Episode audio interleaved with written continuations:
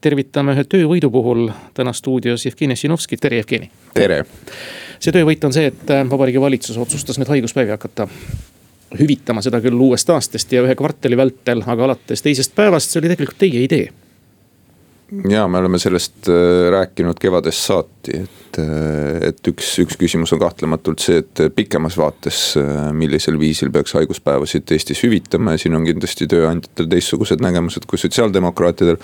aga, ja ka mõnel erakonnal, kes tööandjate, tööandjaid rohkem ütleme kaitseb kui töövõtjaid, aga aga kindlasti praeguses äh, koroona olukorras on ju tegemist mitte ilmavaatelise vaidlusega, vaid tegelikult äh, hädavajadusega selleks, et laiemalt rahva tervist kaitsta. ja sellest tulenevalt me oleme äh, alates suvest vähemasti rääkinud sellest, et teiseks laineks üks asi, mida riik peaks varakult ära tegema, on haiguspäevade süsteemi muudatus selleks, et need inimesed, kellel on esmased haigussümptomid, saaksid ka tegelikult äh, koju jääda. Äh, nendele inimestele, kes teenivad palju palka, äh, see võib tunduda natukene veider arutelu. et noh, kui ikka haige, siis loomulikult tuleb koju jääda. aga kui me vaatame seda, et, et inimene näiteks, kes teenib kuni tuhat eurot, võib kaotada seal sada eurot nädalas. või oma kuusissetulekust sada eurot nende esimeste päevade mittehüvitamise tõttu, siis see hind on ilmselgelt väga paljudele eh, liiga kõrge.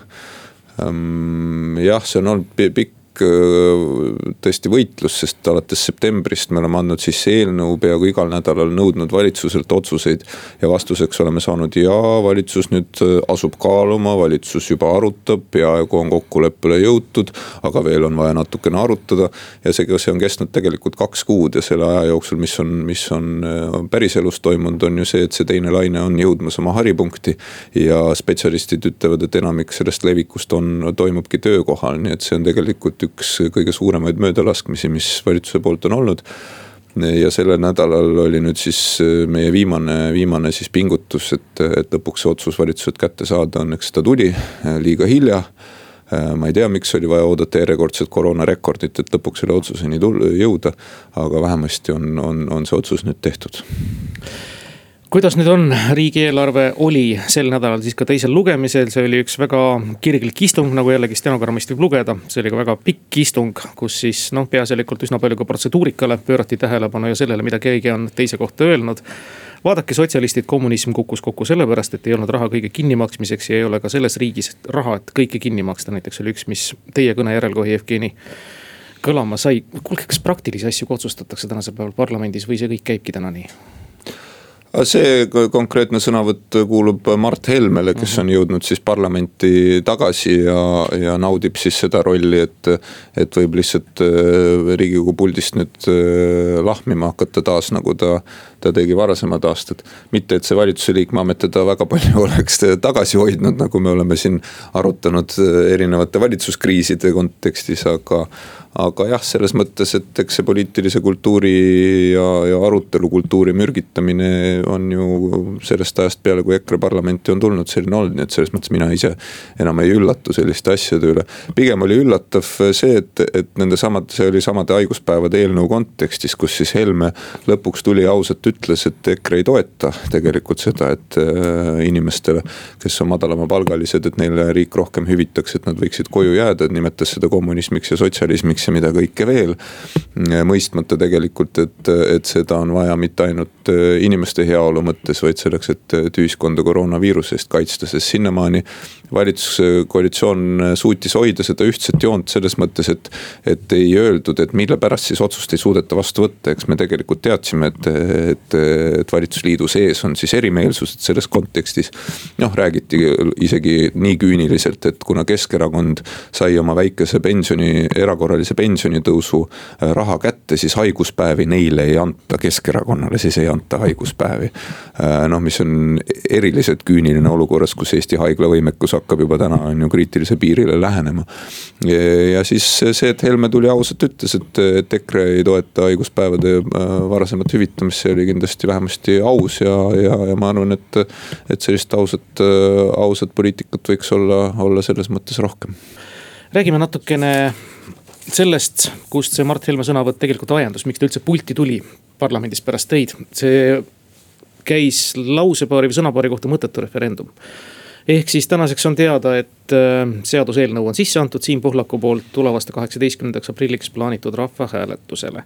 Te olete nüüd kena obstruktsioonse käigu ette võtnud, ehk siis üritanud seda väga paljude muudatusettepanekutega mineerida ja pidurdada ja pannud valitsuskoalitsiooni olukorda, kus nad peavad selle ilmselt selle seaduseelnõu ise sisse andma, seepärast et see võimalik, et siduda oma usaldushääletusega, nii et see nii-öelda venitamistaktika ei pädeks. mis see teie eesmärk on täpsemalt ja miks? Eesmärk on see, et sellist referendumit ei toimuks. Mm, miks see oluline on, sellel on mitu põhjust, esimene on loomulikult äh, tõepoolest see, et, et olukorras, kus Eesti äh, tervisekriis äh, süveneb iga päevaga, kus me näeme seda, et, et haigestumise leviku kiirus on selline, et, et siin mõne nädalaga võib-olla jõuab haiglate siis sellise koormuse juba kriitiline piir kätte, samal ajal äh, valitsus, me oleme näinud viimase kuu aja jooksul, on valdavalt tegelenud sellega, et sõnastada äh, siis seda, mida tähendab abielu. Ma arvan, et see ei ole tegelikult adekvaatne juhtimine, et Eesti rahvas ootab Äh, valitsuselt seda, et lahendataks äh, tegelikult kriitilised küsimused, mis meie ees seisavad. seda, millisel viisil defineerida abielu, nagu ka mitmed ju sotsioloogilised küsitlused on näidanud, inimesed ei arva, et see on praegu teema, mille pärast äh, peaks korraldama referendumit koos kõikide riskidega, lisaks loomulikult noh, printsipiaalne küsimus minu jaoks, et eraelulisi ja veel enam vähemuste eraelulisi küsimusi otsustada enamuse tahtel, tahtega, minu meelest see ei käi äh, väärika liberaalse õigusriigi põhimõtete hulka ja, ja kolmandaks puhtpoliitiline, et selge on ju see, et tegelikult äh, EKRE tahab sellega kaaperdada kohalike äh, valimiste siis põhiteemat. Äh, nüüd küll nad olid sunnitud seda referendumit ettepoole tooma, oma referendumi tegemise plaani. aga ega siis selge on see, et, et pärast seda, kui see on ära toimunud, protsess läheb edasi. hakatakse juhul, kui tulemus on selline nagu nagu nad ennustavad, siis hakatakse edasi torpedeerima konkreetseid siis otsuseid. vaidlustama kohtutes politsei, ma ei tea, mingisuguseid viisade väljaandmisi ja kõike seda muud. algatatakse kooseluseaduse tühistamine, nagu härra Helme ise ka ütles. et see on vastuseks iseenda väidetele, et, et see referendum ei võta kelleltki midagi ära, et tegelikult pärast seda loomulikult tahetakse hakata ka, ka õigusi inimestelt ära võtma. Ja, ja ma arvan, et, et selle sellepärast seda, seda referendumit pole vaja, nüüd kahtlematult on koalitsioonil äh, võimalus ja õigus poliitilisi prioriteete seada. koalitsioon, kellel on parlamendis enamus äh, ja sellel valitsusel on parlamendis enamus, tal on kahtlemata võimalik prioriteete seada, noh, sotsiaaldemokraadid olid võimul, meil olid oma prioriteedid, ma ei tea, lapsetoetuste tõstmine, rahvatervise küsimused. kindlasti vaieldavad samamoodi, aga, aga prioriteetide seadmise õigus kahtlemata on ja see, et selle valitsuse prioriteet on defineerida abielu mõistet ja kasutada selleks Eesti demokraatia kõige kaalukamat instrumenti, mida siiani on kasutatud selleks, et küsida, kas liituda Euroopa Liiduga või mitte, kas Eesti Vabariigi põhiseadus peaks olema selline või tollane. et, et see on kindlasti nende õigus, ma arvan, et, et, et nad eksivad, minu meelest see ei ole küsimus, millele peaks tegelema Eesti inimeste enamus, tahaks tegelikult lahendusi reaalsetele probleemidele. aga see on nende õigus ja samamoodi on parlamentaarses riigis opositsioonil õigus loomulikult rakendada oma kõiki seaduslikke õigusi selleks, et. ja võimalusi selleks, et äh, oma seisukohta selles osas väljendada. ja meie seisukoht on see, et see on ohtlik, äh, ebatarvilik ja äh, halvemat aega asendustegevuseks ka parlamendis, et vaielda kuude kaupa nüüd seda sõnastust juriidiliselt ja, ja, ja, ja lingvistiliselt. et ei, et meil ei ole seda aega raisata, me peame, kogu riik peab praegu tegelema sellega, et, et saada kontrolli alla see koroonaepideemia ja, ja sellepärast me loomulikult oleme öelnud, et, et, et ärge isegi proovige, et me ei, me ei lase sellel arutelul praegu kogu äh, riigisüsteemi kinni jooksta kas sellelane obstruktsionism on jäänud sisuliselt tänasel päeval, tänase poliitilise kultuuri juures, noh, see on paraku kerinud ja arenenud kõikide koalitsioonide aega vist ainsaks võimaluseks sisuliselt opositsioonil riigikogus midagi ära teha. sest et riigieelarvesse vist ei läinud mitte ühtegi teie parandusettepanekut, mis olid kõik ju tegelikult pragmaatiliselt sisse no eks parla-, obstruktsioon parlamendis on alati ju, ju ühes või teises parlamendis maailmas üks, üks selliseid töömeetodeid, aga seal tuleb ka eristada mitut sammu, no näiteks äh, kolmapäeval äh, kolm või neli tundi me tõepoolest riigieelarve menetluse kontekstis võtsime kümneminutilisi vaheaegasid lihtsalt, et näidata koalitsioonisaadikutele, panna nad mõtlema sellest, et, et miks ei ole haiguspäevade hüvitamises valitsus ikka veel kokkuleppele jõudnud, sest väga paljud koalitsioonisaadikud, kellega ma rääkisin, ütlesid, ah midagi nad seal ju valitsuses teevad, no küll see varsti tuleb. Äh, see oli paar tundi lihtsalt, et näidata, me ei tahtnud loomulikult, me ei usu, ei, ei, ei olnud nii naiivsed, et arvasime, et nüüd sellepärast on ju valitsus toetab meie ettepanekut näiteks. loomulikult need valitsuskoalitsioon meie ettepanekut otseselt ei toetanud, see hääletati maha. aga selle surveavalduse tulemusena järgmisel päeval kohe valitsus võttis, võttis siiski soovitud otsuse vastu, et sellise surveavaldusena riigieelarve eelarve või mõne muu menetluse kontekstis. selleks, et, et avalikult äh, siis nii-öelda äh, tähelepanu juhtida teatud kitsaskohtadele, sellisena on nad alati toiminud. ja teine koht, kus obstruktsioon ei ole tegelikult mitte selleks, et opositsioon saaks oma nii-öelda poliitilist agendat kuidagi tutvustada või sellele tähelepanu pöörata. vaid tegelikult ära hoida äh, riske parlamentarismi või, või ka laiemalt siis õigusriigi või selliste põhiseaduslike põhiväärtuste mm, siis noh, ütleme kas kompamisele või nende ründamisele vastu hakates, et see on hoopis teine obstruktsioon ja see on see, mida me praegu teeme, et ja seal. täpselt samamoodi nagu me ütlesime, et ei, et niimoodi hoo pealt äh, lihtsalt, kuna osa parteidest ei ole rahul. kes valitsus on, ei ole rahul äh, rahastamisjärelevalve komisjoni tööga, sest need kirjutavad talle trahve kogu aeg välja Keskerakonnale. et siis selle pealt tulla niimoodi hoo pealt plaksust lihtsalt likvideerima seda organit, et see ei lähe. et see ei ole küsimus sellest, et üks eelnõu või teine eelnõu, et see on praegu puudutab jällegi Eesti demokraatia tuuma. kui see kaotatakse ära, Eesti demokraatia kvaliteet langeb, on võimalik poliitikat kergemini osta. seda ei saa lubada, see ei ole küsimus sellest, kas see meile meeldib või ei meeldi, seda ei tohi Eesti riik lubada. ja, ja ma arvan, et, et see referendum on, on meie jaoks sarnase kaaluga sotsiaaldemokraadid, see on nüüd subjektiivne tähelepanek, on minu arust opositsioonis kõige paremad diagnostikud üldse. et millise diagnoosi te panete praegusele valitsuse tegevusele? eesotsas peaministriga?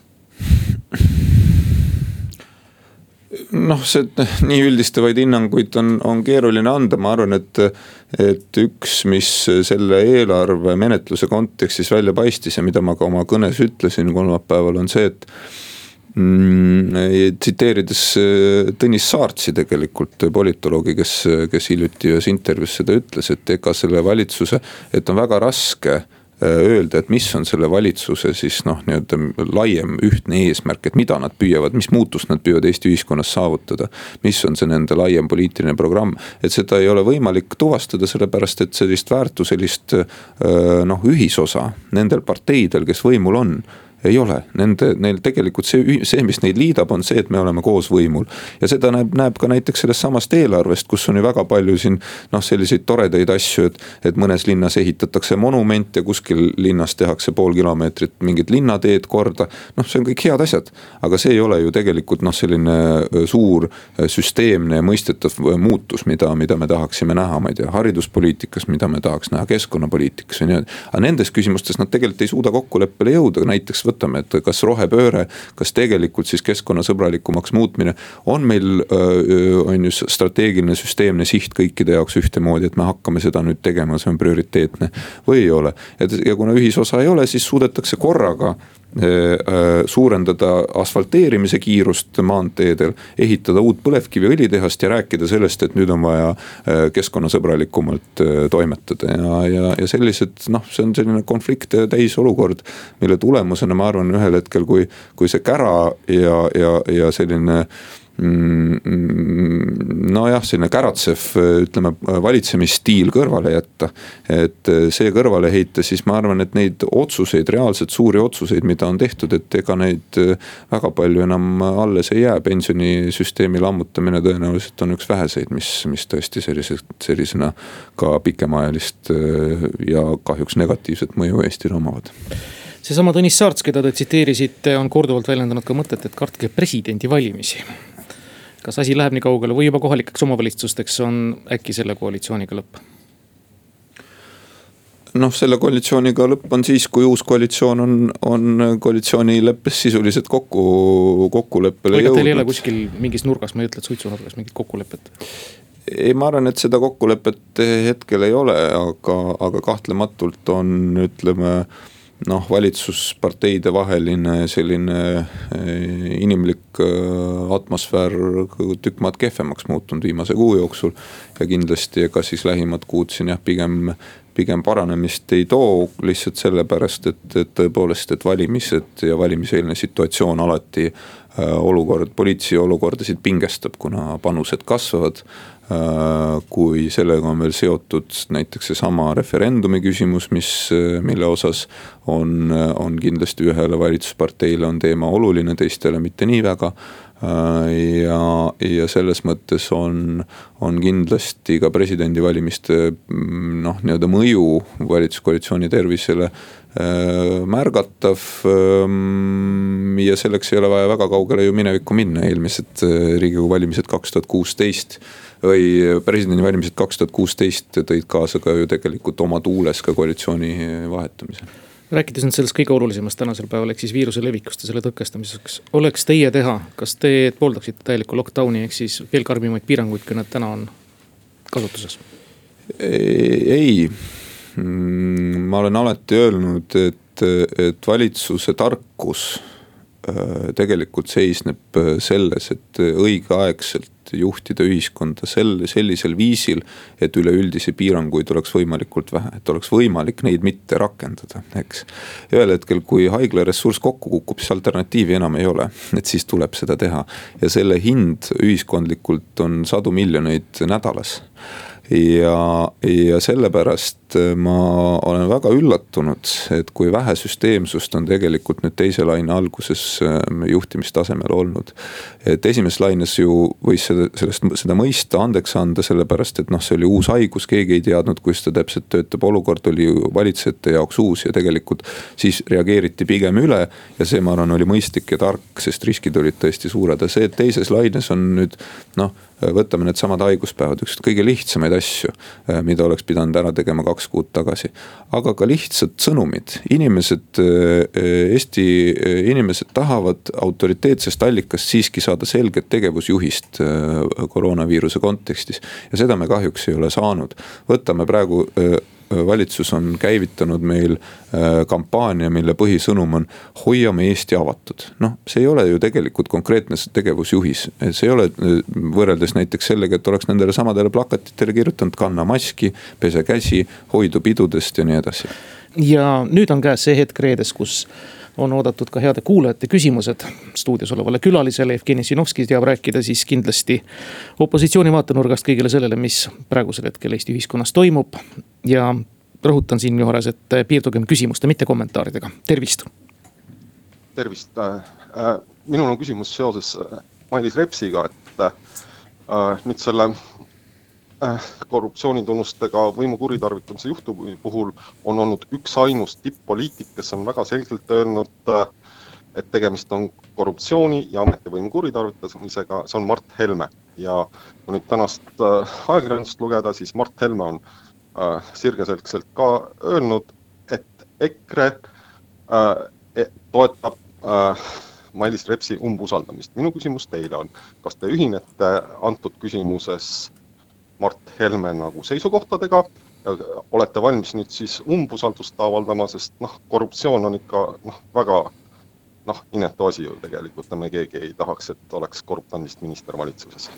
minu mäletamist mööda vist isegi enne Mart Helmet jõudis sotsiaaldemokraat Raimond Kaljulaid väljendada samateemalist, aga hästi, külaline vastab ja, ja, ja sotsiaaldemokraat Katri Raik on tegelikult öö, öelnud, et korruptsioonivastase, vastane erikomisjon riigikogus selle teema võtab ka ette, et asjaolud selgeks teha, et, et selliseid lõplikke hinnanguid langetada, halb näeb ta välja igal juhul. Mart Helme küll ütles, kui mina ei eksi, siis ta ütles, et EKRE ei, EKRE-lt ei tule toetust, toetushääli Mailis Repsile umbusaldamisel. aga siin tuleb väga täpselt jälgida, mida ta siis ütles ja mida ta ei öelnud, sest kui umbusaldamine sisse antakse, siis tuleb hääletada umbusaldamise poolt. et kui lihtsalt jäetakse toetushääl andmata, ehk siis jäetakse hääletamata, nagu koalitsioon tihtipeale teeb, läheb lihtsalt saalist välja, siis umbusaldus läbi ei lähe. et nii nagu sellesama Mart Helme umbusaldamisel Äh, mõni nädal tagasi äh, koalitsioon ei hääletanud, aga, aga umbusaldamine läbi ei läinud, sellepärast et ka koalitsioonist mitte keegi peale Viktoria Ladõnskaja ei toetanud opositsiooni püüdlust. nii et, äh, nii et kui Mart Helme on valmis päriselt EKRE-ga üheksateistkümne saadikuga toetama Mailis Repsi umbusaldamist, siis ma arvan, et see on tõesti väga, väga suur ja oluline sõnum, mille eest teda saab tunnustada et äh, selles mõttes on, äh, aga ma kardan, et, et ta tegelikult püüdis rääkida nagu ridade vahelt natukene teistsugust äh, asja, kui esmapilgul tundub. kuus, kaks, üks, neli, kuus, neli, kuus ja uus helistaja ja küsija on liinil, tervist. tervist. Jevgeni käest tahaks küsida, te olete Eesti riigile võlgu üle viiesaja miljoni krooni. tahaks teada, millal te selle tagasi maksate, mis te lätlastele kinkisite, aitäh ja ei, ma tänan selle küsimuse eest, et eh, ma ei tea, kust te olete sellised numbrid võtnud eh, kroonides. Eh, ja viissada miljonit, et, et tõsi, tõsi ta on, et et selliseid süüdistusi on teatud poliitilised oponendid minu suhtes esitanud, aga faktilist tõepõhja neil küll all ei ole et pärast seda, kui uus valitsus on alkoholiaktsiisi alandanud, siis on alkoholi tarbimine suurenenud, äh, surmade arv on kasvanud ja aktsiisi laekumine vähenenud. nii et tegelikult äh, tasub natukene süsteemsemalt nende teemade äh, juurde tulla, tõepoolest omal ajal, kui alkoholiaktsiisi tõsteti rahvatervise eesmärkidel siis äh, äh, aktsiisi äh, laekumiste kasv oli küll, aga see kasv ei olnud nii suur, kui oleks seda ennustanud, aga. aga rääkida sellest, et, et oleks kuskilt siis Eestis nii-öelda raha kuskile selles mõttes eelarvest, eelarves olnud raha oleks vähem hakanud laekuma, siis seda me oleme tegelikult näinud just vastupidi nüüd viimase aasta jooksul kuus, kaks, üks, neli, kuus, neli, kuus ja uus helistaja ja küsija liinil, tervist. tere päevast, mul on selline küsimus. kas tõesti kogu Eesti rahvakaare peab, peab arutama seda Mailis Repsi probleemi? see oleks võimalik teha võib-olla väiksemates fraktsioonides ja rühmades.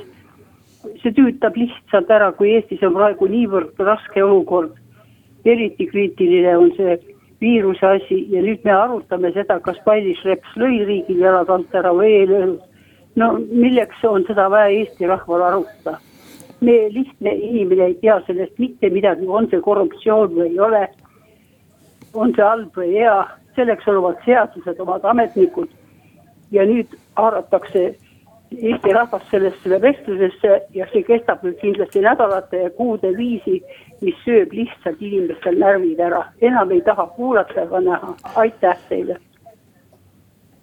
Aitäh, ei ma, ma ka ei arva, et see oleks nüüd selline teema, mis Eesti riigil jalad alt ära lööb ja, ja kindlasti ei ole ta ka kõige kõige põletavam ja olulisem teema, sellega ma võin teiega küll nõus olla, aga teisest küljest on loomulikult oma organid ja ametnikud, kes ka seda uurivad. aga see on valdavalt siiski poliitilise kultuuri ja, ja eetika küsimus ja demokraatlikus riigis ollakse minu meelest õigustatult tundlikud selles suhtes, kas äh, ametnikud ja ka poliitikud neile usaldatud vahendeid, sealhulgas rahalisi vahendeid kasutavad äh, sihtotstarbeliselt või, või enda heaolu Äh, huvidest lähtudest, nii et selles mõttes ma seda arutelu küll kuidagi, kuidagi jällegi teistpidi hukka ei saa mõista.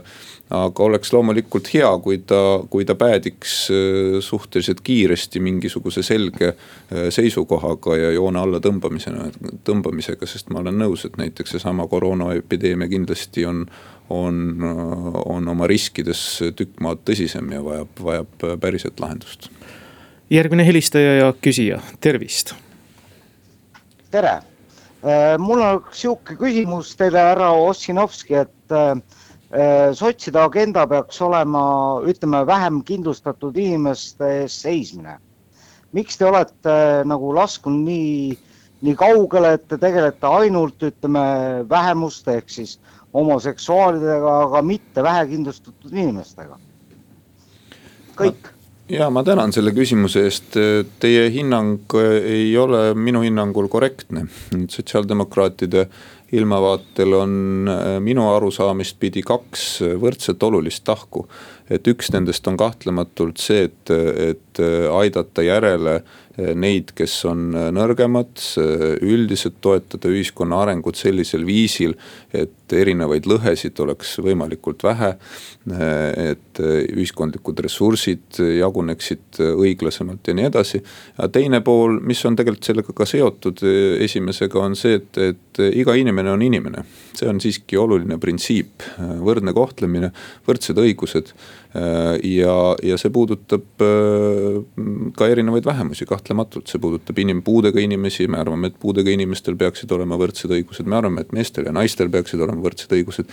ja me tõepoolest arvame, et ka seksuaalvähemustel peab olema õigus äh, väärikalt äh, oma pereelu elada nüüd, mis puudutab äh, seda, et, et me ebaproportsionaalselt teeme ühe, tegeleme ühe teemaga ja teiste teemadega tegeleme vähem, siis ei, ma ei, selle hinnanguga kindlasti ei nõustu, et me äh, näiteks tahame küll, et, et kooselus, oleme tahtnud aastast kaks tuhat viisteist, et kooseluseaduse rakendussätted oleksid vastu võetud.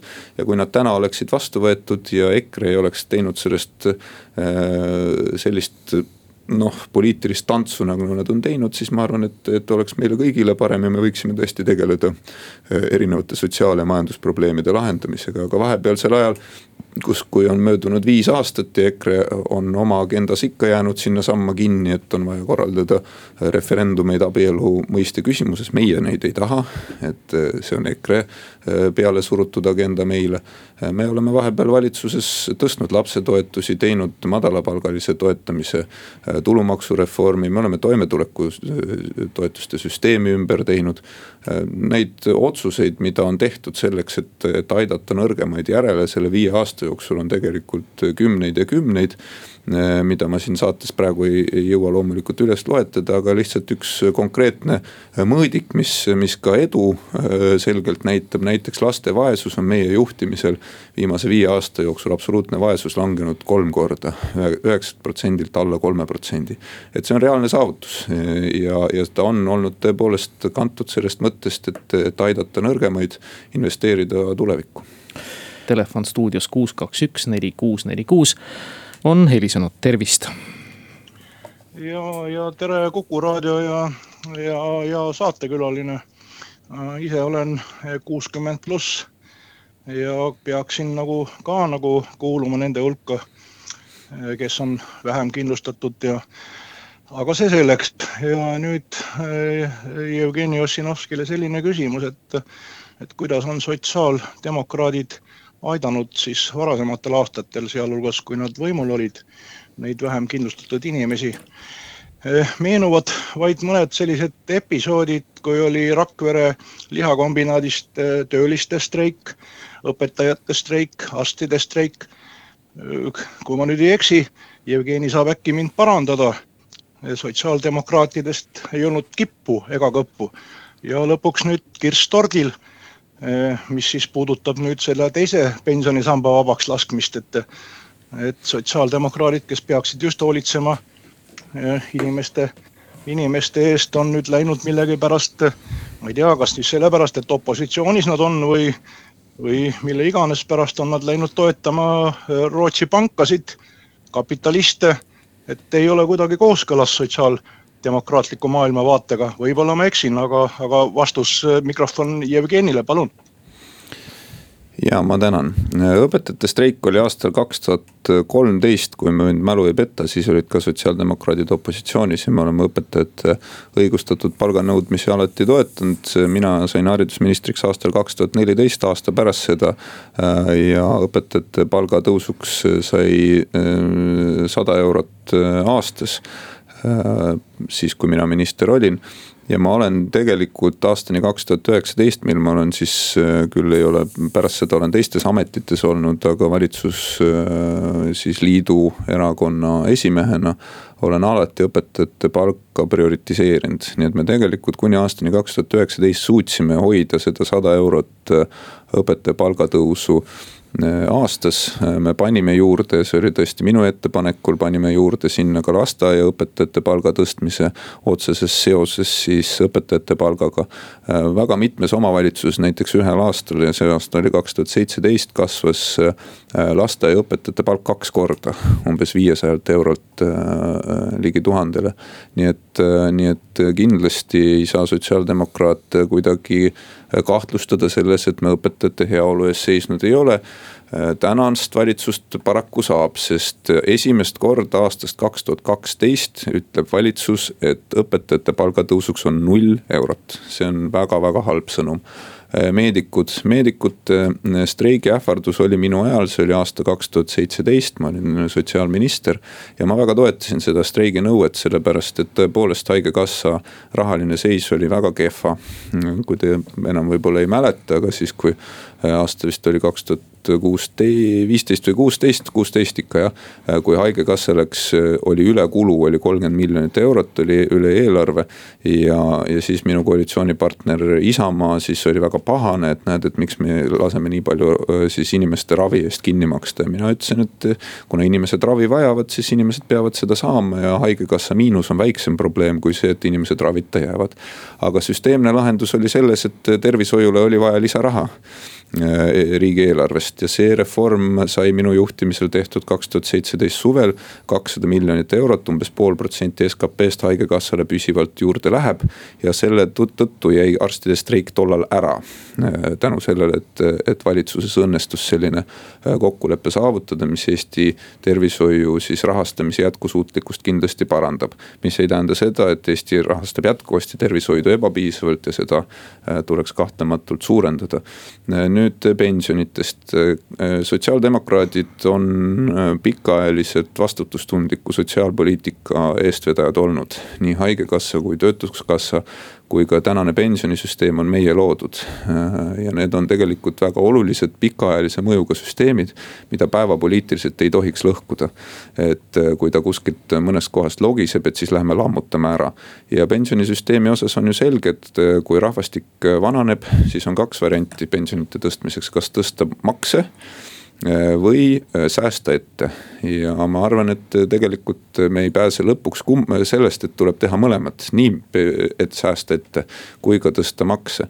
aga selleks, et äh, makse peaks tõstma võimalikult vähe, selleks, et pensionäridele tulevikus väärikas pensionipõlv tagada, siis on mõistlik ette säästa ja see pensionisüsteem sellisena oli üles ehitatud, jah, tal olid oma puudused, jah, pangad olid muutunud odevaks ja kohati ka ahneks. aga neid muresid juba lahendati tegelikult mitme aasta jooksul, olid tekkinud mitmed kindlustustooted, kus olid hoopis teistsugused siis need valitsemistasud ja nii edasi. et see, et lasta inimestel täna oma pensioniraha ära süüa, on kindlasti lühikeses plaanis populaarne, kindlasti inimesed selle üle rõõmustavad, võib-olla mõni annab annab ka äh, rahaandjatele äh, oma valimistel hääle. aga see, mis äh, juhtub Eesti pensionisüsteemi ja sotsiaalsüsteemi jätkusuutlikkusele suutlikkusega tänu sellele järgmise kolmekümne aasta pärast. noh, selle eest vastutavad juba, juba teised inimesed teatavasti. pikk küsimus sai põhjaliku vastuse, me kuulame järgmist helistajat ja küsijat, tervist. tervist, minul on küsimus koroona teemal et ähm, kõigil soovitatakse kanda maski ja olla ettevaatlikud, aga mida me teeme nende inimestega, kes äh, teades, et neil on diagnoos, et nad on koroonahaiged, ei ole eneseisolatsioonis ja ei pea äh,, ei püsi oma kodus, vaid tuterdavad ringi äh,, kasutavad ühistransporti, ei kanna maski äh,. et kas ei oleks aeg hakata muutma mõtlema selle peale, et muuta nakkushaiguste ennetamise ja tõrjumise seadust, et ka sinna koroona lisada, et ka neid saaks panna siis äh, tahtest olenematule ravile, et nad ei oleks ühiskonnast äh, rõõmsalt koroona jagajad. aitäh Mm, jah, see on selline keeruline küsimus, millele mustvalget vastust ei tahaks anda. et et eh, ehkki no on mõni juhtum siin, millal see oli, paar-kolm kuud tagasi, kui, kui inimene, kes teadis oma koroonanakkusest, eh, suutis minna ööklubisse ja jumal teab kuhu. et ega sellises olukorras ausalt öeldes oleks, mõtlesin, et noh, et seda nüüd küll tuleks ikkagi trahvida, sest see ei ole ju, ei ole ju normaalne, see on täiesti vastutustundetu tegevus aga spetsialistid veensid mind selles, et, et selle tulemus tõenäoliselt on see, et inimesed hakkavad oma nakkust varjama. ja kuna selle koroona levik hetkel epideemiliselt on ju valdavalt varjatud.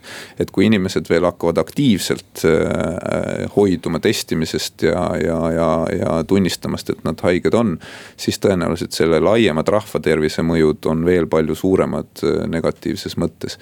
nii et ma pigem äh, vaataks seda seda, et, et meie sõnumid, mida riik välja annab, selles osas oleksid võimalikult selged, et meie kontaktide, lähikontaktide ja ka positiivsetele antavad suunised terviseametile oleksid võimalikult operatiivsed, me teame, et on olnud väga palju juhtumeid, kus tegelikult on, on terviseamet jõudnud nende soovitustega inimesteni noh, ma ei tea, kolm-neli-viis päeva hiljem. see ei ole normaalne ja, ja et ja see on üks asi ja teine asi on see, et need soovitused äh, või, või ka tegelikult nõudmised, kohustused, mida inimestele pannakse, kes koroonapositiivsed on. et nad oleksid selgemalt kommunikeeritud. et kas selliste politseiliste või poolpolitseiliste meetoditega siin me tegelikult äh, midagi suudame saavutada, eriti olukorras, kus meil täna tuleb siin kolmsada pluss uut juhtu iga päev. et äh, ma, ma kahtlen, et et, et me tegelikult seda, seda saavutame, et ikka lõpuks on ju on ikka see ühiskondlik vastutustunne ja, ja eks me peame kõik, kõik äh, tegelema nii iseenda kui ka oma lähedaste sõprade-tuttavate harimisega selles kontekstis. aitäh kõigile helistajatele, kes jõudsid helistada ja küsida. kas ennustamist tohib küsida teilt, Jevgeni? ma ei tea. millised tänavused jõulud tulevad?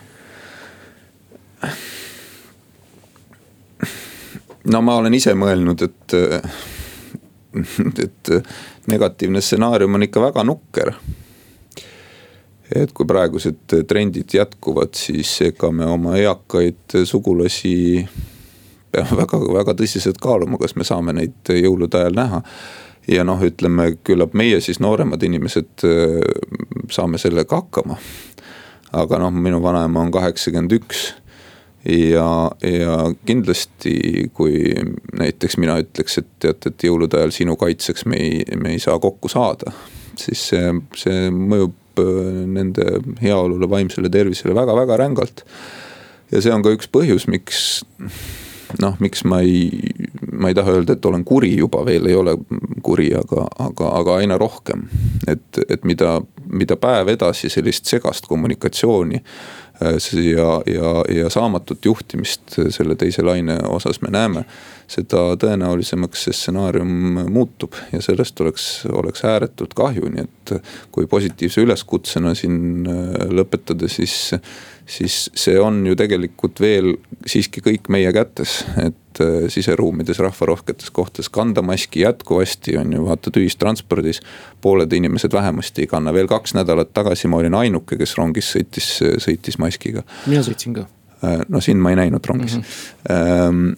ja, ja selles mõttes äh, kõik need ettevaatusabinõud, jätke peod ära, ei pea tegelikult ei ole praegu kõige parem koht, aeg kohtuda nende heade sõpradega, keda pole kolm kuud näinud, et, et seda tasuks nüüd paar kuud edasi lükata sest äh, kõige rohkem kannavad ju tegelikult äh, tööealised inimesed seda viirust mööda Eestit laiali, sellepärast et nemad on sotsiaalselt kõige, kõige aktiivsemad, aga kannatavad sellest haigusest kõige rohkem eakad, kes ise seda nii palju ei levita, aga tegelikult äh, kelle, kelle puhul siis need tagajärjed on, on palju raskemad. suur aitäh, Jevgeni, täna stuudiosse tulemast, edu, jõudu, hoidke tervist